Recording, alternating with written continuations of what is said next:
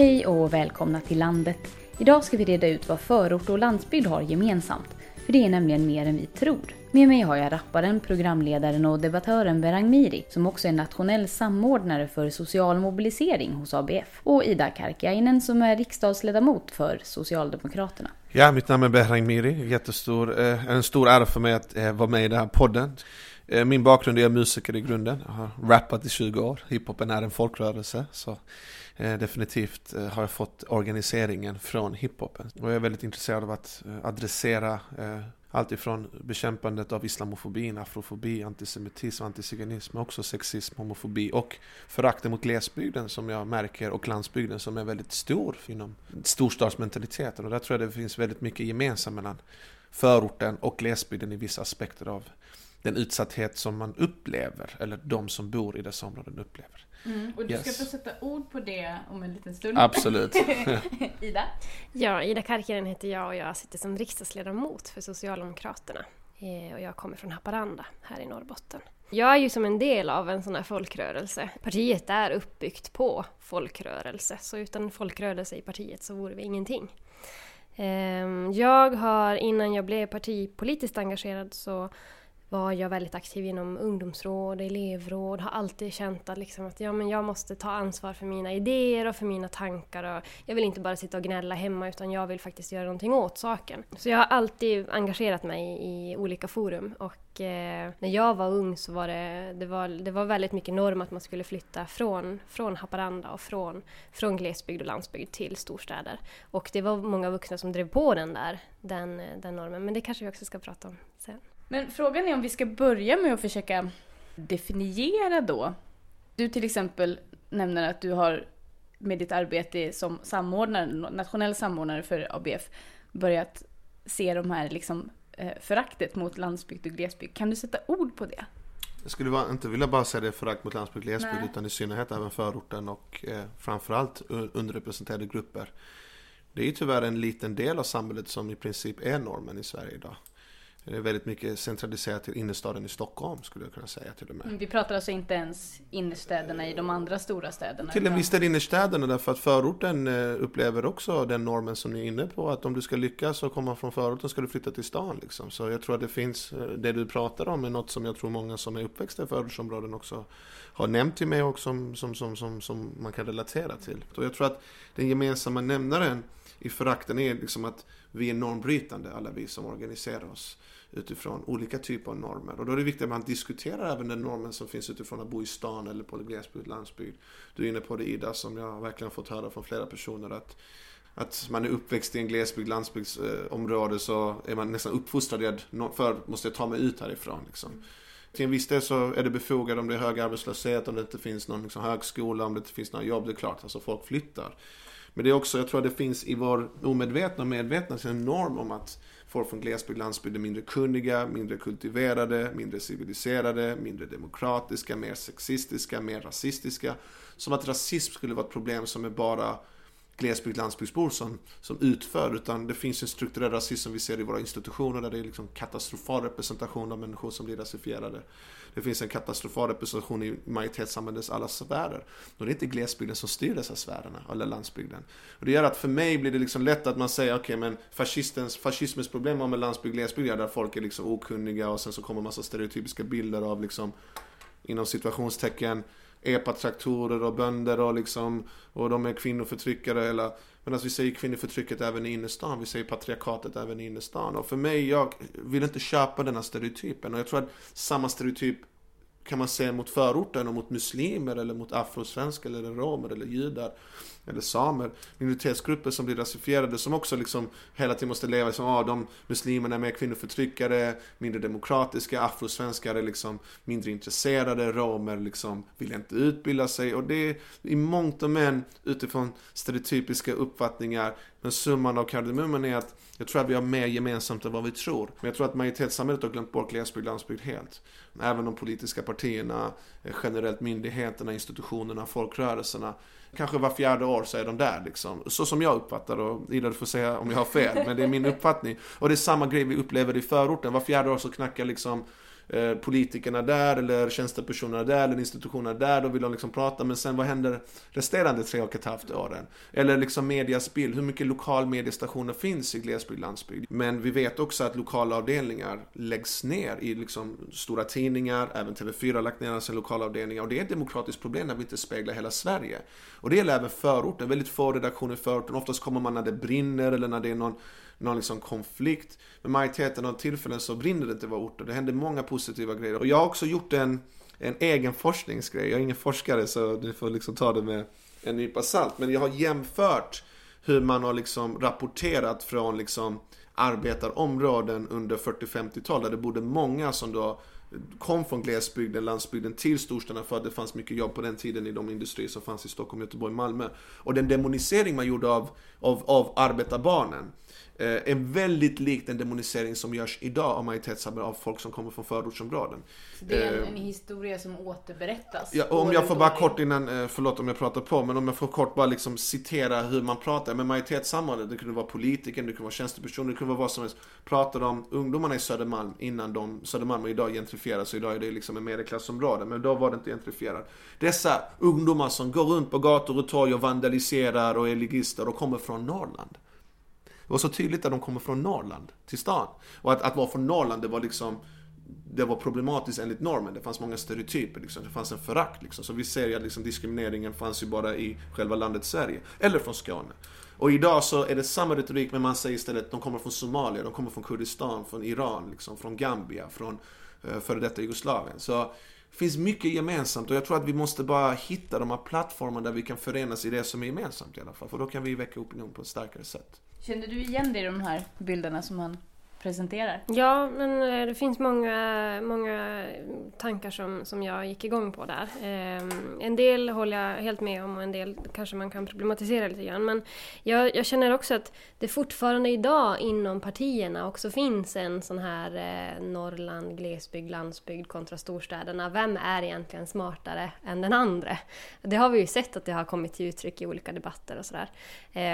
Och jag skulle vilja säga att den, det, det blir så intressant för jag som kommer från en liten by i, eh, ovanför Haparanda känner liksom att ja okej, okay. ja fast eh, vi som bor i landsbygd och glesbygd vi tvingas ju oftast vara väldigt innovativa och tänka, komma på väldigt, eh, väldigt bra saker. Det är inte så nära till närmsta mack eller till närmsta affär, till närmsta verktygsbutik och jobbar man exempelvis i eh, ett lantbruk så kanske man måste komma på någon innovation som gör att man kunde lösa just det problemet just då. Det kan man kanske inte på något annat ställe. Så att vi är väldigt innovativa skulle jag säga. Och eh, det finns den här diskussionen om ja, men vem som är smartare än den andra. Den, den förekommer fortfarande, än idag. Och det är ju jätte, otroligt intressant. Mm. Eh, är det inte lite problematiskt också att, att den hela tiden att det blir någon slags tävlan då också hela tiden. Istället för att man ägnar sig åt att helt enkelt Ja, men vi, vi är ju problematisera ett, ja, bilderna. Vi är ju ett, ett, Sverige bestående av både gles och landsbygd, storstäder, mindre, stor, mindre större städer. Eh, och vi ska ju tillsammans göra en politik som funkar för hela Sverige. Eh, och det, vi kan ju liksom inte, den ena klarar sig inte utan den andra. Vi behöver både storstäder och vi behöver också landsbygd och glesbygd. Och vi måste ju lära oss att, att skapa en politik som också gynnar hela det här, eh, hel, hel, alltså helheten, inte bara storstäder och inte bara liksom, lands och glesbygd. Mm. Eh, men vi har ju sett en stor trend i samhället där människor har flyttat till större städer under en väldigt lång period i Sverige. Um, och uh, när, vi, när vi pratar om, om gles och landsbygd så, så tycker jag att förorterna, det är väldigt mycket som vi har gemensamt. För även där så ser vi att, att det urbaniseras mm. till större sammanhang. Myndigheter flyttar in i innerstan i Stockholm. Um, bankkontoren lägger ner, skattekontoren lägger ner, Försäkringskassan går inte att, att nå liksom rent fysiskt utan du måste ringa. Mm. Um, vi måste vi, vi måste ta oss... Vi, vi, liksom, vår infrastruktur funkar inte. Vi har vårdcentralen mm. som inte håller måttet alltså, och, som, och som läggs ner kanske. Och det där, när liksom välfärden och staten drar sig undan, vare sig det är från förorten eller om det är från från liksom byn eller, eh, eller den mindre, större staden. Så det händer någonting med medborgare. Då känner man liksom att vi är på avvecklingslinjen. Eh, och det där känner jag att, jag känner att det är, väldigt, det är många människor som vill bo i förorterna, det är många människor som vill bo på gles och landsbygd, men vi ger inte förutsättningar för det. Eh, från statens håll, från politikens, från rikspolitikens håll. Vi kan ju bestämma mm. att alla, för, alltså, det ska finnas försäkringskassekontor i alla, på, liksom i alla kommuner i Sverige. Det ska bara vara så, punkt. Eh, eller vi, vi, liksom, vi har ju möjligheten att skapa förutsättningar för det här. Eh, ja, när man drar sig undan på ett sånt sätt så gör ju också det att man då plockar man ju bort vissa typer av mm. jobb. Mm. Och då kan man bara livnära sig utifrån vissa typer av mm arbeten beroende på var man bor. Och ofta vill vi ju bo ganska nära våra jobb för att vi vill inte lägga så mycket tid på resandet när vi jobbar så långa dagar. Och vi kanske jobbar övertid och sådär. Och då är det ju klart att, att den där flytten in till storstaden då, eller centrumet, kanske är för att där fanns jobbet. Och det är det som har styrt, fast viljan är att, att vara någon annanstans. Och jag tänker bara på en sån sak som bredband. Alltså skulle vi se till så att det fanns ett utbyggt bredband i hela Sverige, tänk vilka, vilka möjligheter det skulle finnas då att kunna driva sitt företag från, från liksom byn hemma. Eller eh, kunna, inte bara kunna ha de här kontoren i Stockholm utan att det faktiskt finns arbetstillfällen i hela, mm. hela landet. Så det är en sån jätteviktig fråga. Det är precis, bredband är precis en sån sak som vi politiker kan skapa förutsättningar för. Jag uppskattar självkritiska politiker och politiker är bara människor. För jag håller med dig i din analys kring att politiken bör göra mer kring detta. Och det handlar inte om att kritisera ett parti utan det hela, mm. hela den politiska etablissemanget tycker jag har svikit till en viss del glesbygd, landsbygd och förortsområden. Jag tror att många av de gamla folkrörelserna som mynnar i att ha kommit från de underrepresenterade grupperna en gång tiden har glömt sina rötter dessutom. Jag kan uppleva det med många gamla folkrörelser, att man ibland pratar om en tid som var då, som inte är idag. Och där behöver vi ha nya analyser. Det är därför jag, jag vill, alltså jag har kommit hit idag för att träffa glesbygd, landsbygdsrörelser och se hur vi kan organisera oss gemensamt. Hur kan jag som är nationellt ansvarig för social mobilisering för en av Sveriges största och äldsta studieförbund bidra med att tillhandahålla folkbildningsverktyg för fler. Och det, vad vi har försökt göra liksom i, i våra minoritetsnätverk, det är liksom att Wow, afrosvenska muslimer har mycket gemensamt med samer även om vi inte träffas så mycket. För att samerna, det, jag har träffat inte på så många som har samiskt ursprung i Malmö i alla fall. Det finns, men de är inte många. Utifrån liksom att det här är vår ursprungsbefolkning, ur, urfolk. I USA, vi har, liksom, vi har varit väldigt bra på att ta det sämsta av USA till Sverige. Men vad vi har glömt är att implementera det positiva med USA. För det finns jättemycket positivt med USA. Och jag tar väldigt mycket av min inspiration från USA. Framförallt från den, äh, från den amerikanska medborgarrättsrörelsen, från den afroamerikanska organiseringen. Men även olika minoritetsgrupper i USA. Och en grej vi ser är då att ursprungsbefolkningen i USA, de eh, hade eh, nära samarbete, de organisationerna med afroamerikanerna. Liksom. Och man backade upp varandra. Jag säger att vi behöver ur social mobilisering och organisering som backar upp samerna. Samernas rättigheter är direkt kopplat till det svenska koloniala arvet som också påverkar afrosvenska i och med att Sverige var en del av det transatlantiska slavandet man inte pratar om. Eh, även liksom utifrån urbaniseringen som du Ida på ett väldigt vackert sätt förklarar, jag håller med dig till 100% se liksom, ja men det är exakt det som händer. Nedrustningen av välfärden har påverkat mest glesbygd, landsbygd och förortsområden och även mindre städer som du var inne på. Och det såg jag även i USA som någonting som enade exempelvis afroamerikanska medborgarrörelsen med den vita underklassen och arbetarklassen i USA som var organiserad i fackrörelser där de började enas i vissa frågor. Och det är det vi behöver göra i Sverige. Vi behöver fler visioner. Vi behöver liksom prata om den här visionen inspireras av andra länder, lär oss av vår historia, eh, kvinnorättsrörelsen historiskt, minoritets, romska rörelse historiskt med Katarina Taikon. De, de, har, de har byggt upp intressanta institutioner och de behöver vi mer än någonsin, för det, vår generation behöver inte bygga om från början. Jag brukar alltid säga att första generationen bygger. Andra generationen förvaltar, tredje generationen fördärvar och fjärde generationen ingenting kvar. Vi är en fjärde generation. Mycket av det som vi har byggt historiskt har rustats ner, men vi har ju kvar föreningslivet som är viktigt, folkrörelse, folkbildning, folkhögskolor. Vi behöver bara uppdatera dem, göra dem mer representativa så att även glesbygd, landsbygd, Ida du är väldigt inne på det, att det ska vara representativt, och förorten. Och då behöver vi inte bygga om från början och då tror jag att vi skulle kunna demokratisera samhället ännu mer och liksom värna för den demokratin som många har kämpat för. Mm, precis, för jag tänker det att vi ska liksom avsluta det här avsnittet med att eh, tänka lite framåt liksom. Mm nu har vi analyserat, nu vet vi hur det ser mm. ut och vad det beror på. Och vi har kommit fram till att vi behöver helt enkelt enas i, i minoriteter eller i olika delar av landet. Vi behöver hjälpas åt för att på något sätt kunna sätta press på innerstan. Om man ska generalisera liksom. Hur ska vi göra konkret för att vi ska för att vi ska klara det här? Jag tror som jag var inne på lite tidigare att vi behöver eh, från, alltså, om vi börjar från början, jag tror så här. De politiska partierna är de som eh, är grunden i vårt representativa system i Sverige. Vi röstar på personer som ska företräda oss och som ska fatta beslut om Sverige och om Sveriges framtid. Och i de här politiska partierna så behöver vi bli bättre på representation. Vi behöver bli bättre på att få in folk från flera olika delar av Sverige, från förorten, från glesbygden och verkligen se till så att alla är representerade. För den representativa demokratin känner jag kan, kan liksom sakna många av de här bitarna. Ja, idag är det ju faktiskt bara 3-4 procent av hela Sveriges befolkning som är medlemmar i ett parti.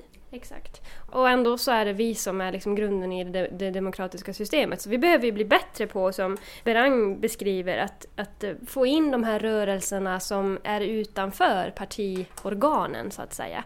Och, och, få folk att bli partipolitiskt engagerade också. För det är fortfarande det systemet vi har som bygger Sverige, som, som fattar beslut om Sverige. Men det är inte så att vi behöver tänka om då? Det vore väl bra om 90% var medlemmar i partier och inte 3? Absolut. Eh, men är det ens möjligt att försöka få folk att vara medlemmar i partier igen? Ja, det är absolut möjligt. Helt klart. Partierna behöver där göra, däremot göra ett, ett stort arbete för att förbättra sig och för att fånga in de här rörelserna, fånga in det här civila engagemanget. Och, jag menar partierna är ju folk, många är ju folkrörelseföreningar från början och har lyckats fånga upp engagemanget från början. Så det här behöver vi bli bättre på. Och sen tänker jag, alltså av 349 ledamöter i Sveriges riksdag så är vi åtta ledamöter från Norrbotten och vi representerar ju ändå ett stort län med en liten befolkning. Så att vi är ju få, få människor som representerar de här delarna av landet på något sätt. Um, och vi behöver bli bättre också på att ropa lite högre tror jag. Um, men det gäller också bolagsstyrelser. Staten utser ju styrelser i bolag som ska bestämma över ja, men LKAB exempelvis. Och där finns det inte norrbottningar som sitter med i liksom, bolagsstyrelserna och det behöver vi också bli bättre på. Samma sak när det gäller bolagsstyrelser, när det gäller människor från förorten. Att här, här har vi verkligen en gemensam sak, att driva på en bättre representation i statens bestämmande organ, så att säga. Mm. Så det, det, tror jag att, att vi behöver göra. Och som jag var inne på tidigare, staten och vi politiker som representerar rikspolitiken, vi mm. kan ju ge bättre förutsättningar mm. att verka i mm. förorter i gles och landsbygd. Absolut, representation är väldigt viktigt. Och lika mycket som glesbygd och landsbygd har väldigt lite representanter så gäller det ju olika minoritetsgrupper. Jag, mm. Jag är inte riktigt inne dock i att alla måste bli partipolitiskt aktiva. Jag, jag, jag, jag det? Eh, jo, jag tror på politik, absolut. Och jag jobbar mot politiken och, och samtalar med alla partierna. Jag har många vänner som är politiker. Men jag tror inte det är bara det som är demokrati. Jag tror inte att vi kan bara säga att civilsamhället är lika viktigt och vad vi kan göra är att påverka politiken. Men då måste politiken förhålla sig med till civilsamhället. Och problemet som jag ser i politiken, det är att den går åt mitten idag. Det är väldigt få som pratar om visioner liksom.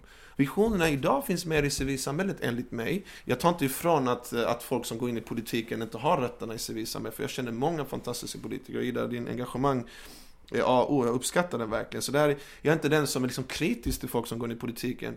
Vi behöver framförallt unga, framförallt glesbygd, landsbygdbor, kvinnor, hbtq-personer, folk som blir rasifierade, folk från förorten, eh, minoritetsgrupper. Vi behöver alla representera politiken. Men det finns en anledning till varför vissa inte väljer politiken. Och det är de signaler som majoritetssamhället mm. sänder. Men också att när politiken går åt mitten så känner folk, men vad, vad händer? Vad spelar det för roll? Alltså det blir ju ingen förändring. Liksom. När politiken blir för komplex, när den inte blir konkret, när den inte blir human. Ska man behöva vara aktiv i ett ungdomsförbund, politiskt ungdomsförbund och sedan jobba sig uppåt för att liksom påverka ett politiskt parti? Om du har jobbat i civilsamhällesorganisation i tio år, är inte det lika viktig erfarenhet som att du har jobbat dig upp från ett ungdomsförbund? Jag tror så här, ett samhälle byggs upp av rörelser. Om parti inte rör sig längre, då är det ett problem. Mm. Och det är det jag känner att idag så är inte många Alltså så, jag upplever inte att rörelsetänket finns där på samma sätt. Jag tar inte ifrån att många partier är rörelse i grunden. Jag tror att de nya folkrörelserna, alltså förortsrörelserna, minoritetsrörelserna, det är, de är där många av de här gamla rörelserna var för hundra år sedan. Man uppstår från ett behov. Men behovet måste uppdateras konstant. Din analys från 40-50-talet gäller inte idag. Och tolkningsföreträde måste finnas till hands. Och vi behöver på något sätt också acceptera nya samhällsanalyser. Alltså, ja, varför ska vi prata om stadsnormen, säger man till glesbygd landsbygden. Ja, men det finns ju en urban stadsnorm. Det är klart att vi måste vara normkritiska och normkreativa. Det är viktigt. Där tror jag att det är många som har fått makten, som har kanske en gång i tiden kommit från någon underrepresenterad grupp, som har glömt var de kommit från, eller liksom har fått makten och vill inte ge plats till andra, som slår mot de som tar sig upp. Och detta ser vi rent historiskt och alltid återupprepas i alla samhällen genom tiderna. Därför behöver vi sluta slå på de som är mest utsatta. Gemensamma nämnare är att vi kan enas i det, ja du, jag håller med dig, du problematiserar lite min ingång, jag kan också problematisera din ingång, men vi har ganska mycket gemensamt. Vi kommer inte alltid hålla med varandra, det är det som är vackert med ett demokratiskt samhälle. Vi behöver en oberoende journalistik som finns även i glesbygden, som granskar allting, som också inte likställer Boden med Luleå. För att ibland när jag hör ny rapportering av liksom, Norrland, det är som att man intervjuar folk i Sundsvall kring liksom, en, en demonstration i Kiruna. Men Sundsvall och Kiruna det är ganska långt. Det är som att intervjua någon från Göteborg kring vad som händer i Malmö. Visar på hur, hur media också idag är väldigt lokaliserat till storstäderna. Men att vi till sist går in i en, i en skede där jag tar inte från dina erfarenheter Ida.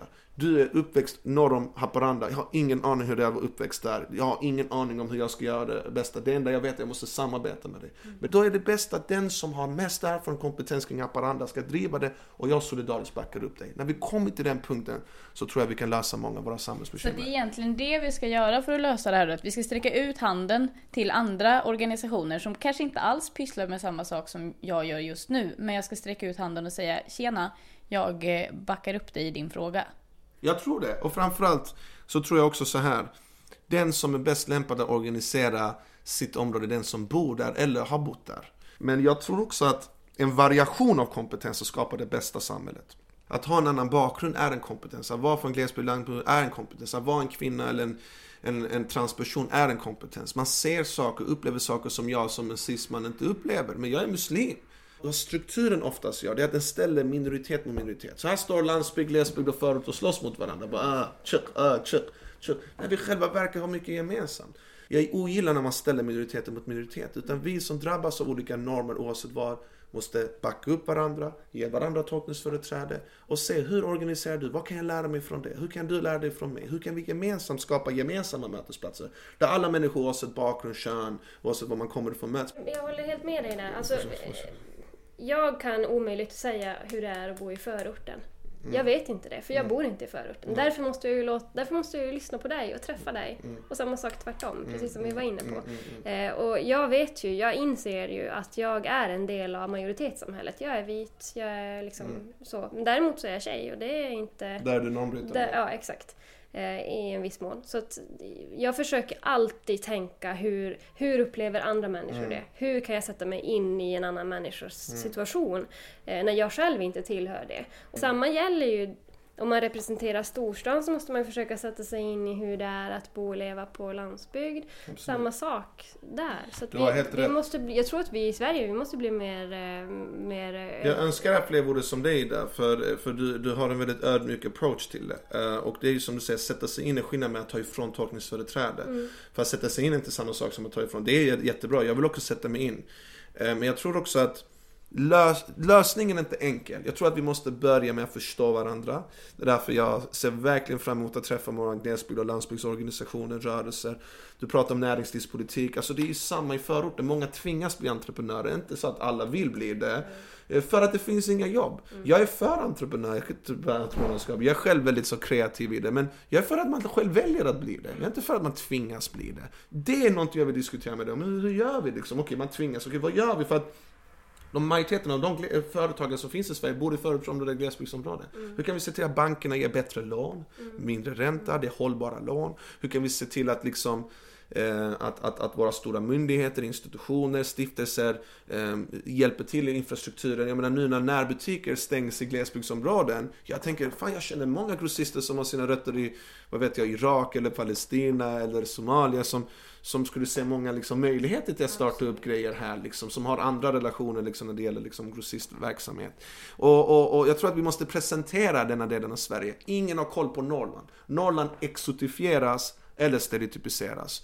Exotiska, åh oh, det är bara massa vargar och björnar och liksom så exotifierande bilden av samer och norrlänningar som även förortsbor drabbas av. Åh oh, det är bara vattenpipor och falafel och mattor och nej fan jag vill inte förminskas till en matta. Exotism är väldigt problematisk och den tror jag drabbar på olika sätt både förortsbor men även glesbygdsbor. Men om vi bryter den och som verkligen åker dit och ser bara shit så mycket områden. De säger att Sverige inte kan ta emot fler människor medan här säger jag liksom lägenheter som är tomma. Och att man kan bygga upp verksamheter där vi liksom drar nytta av varandras kontakter och nätverk. Det tror jag är framtidens innovation. Och där är jag in, jätteinne i att vi skulle kunna hitta modeller för det. Verkligen. Kooperativa modeller exempelvis. Men sen också i att vi, vi, vi ser just nu en digital revolution i samhället och eh, vi har mycket att lära oss av den yngre generationen i jag menar, du har ju liksom så Instagram-konton som har lyft frågor som, som exempelvis Svart kvinna-konton som ett fantastiskt konto som, som har lyft frågan kring den sexualiserade rasismen som svarta kvinnor upplever. Och som har, som, jag vet inte, om har 70-80 000 följare. Och där har du det, det är också politik. Alltså politik är inte bara partipolitik. Och det är där vi behöver liksom inse liksom kraften och stoften i det. Och där tycker jag att politiker kan ta lärdomar från det, partierna kan ta lärdomar, möta det, samarbeta med det, samverka med det, backa upp det.